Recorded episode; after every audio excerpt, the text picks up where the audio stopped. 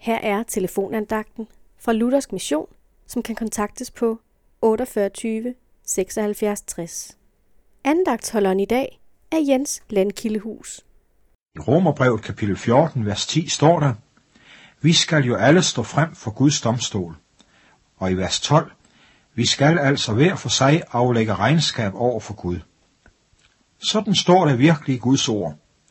Det er med bæven, vi læser det og tænker, en dag skal jeg stå for den hellige Guds ansigt. Hvilken dom vil det da gå over mit liv?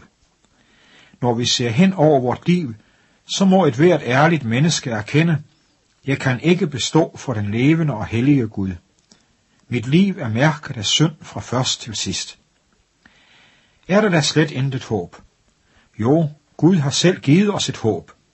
Han ville ikke, at vi skulle rammes af hans vrede, men for frelsen i eje ved vor Herre Jesus Kristus, jævnfør 1. Thessaloniker kapitel 5, vers 9.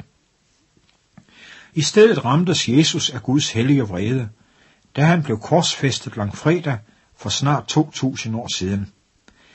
En hver, der tror på Jesus, skal ikke dømmes skyldig, men frikendes. Den mulighed er det jo også, når man stilles for en dommer.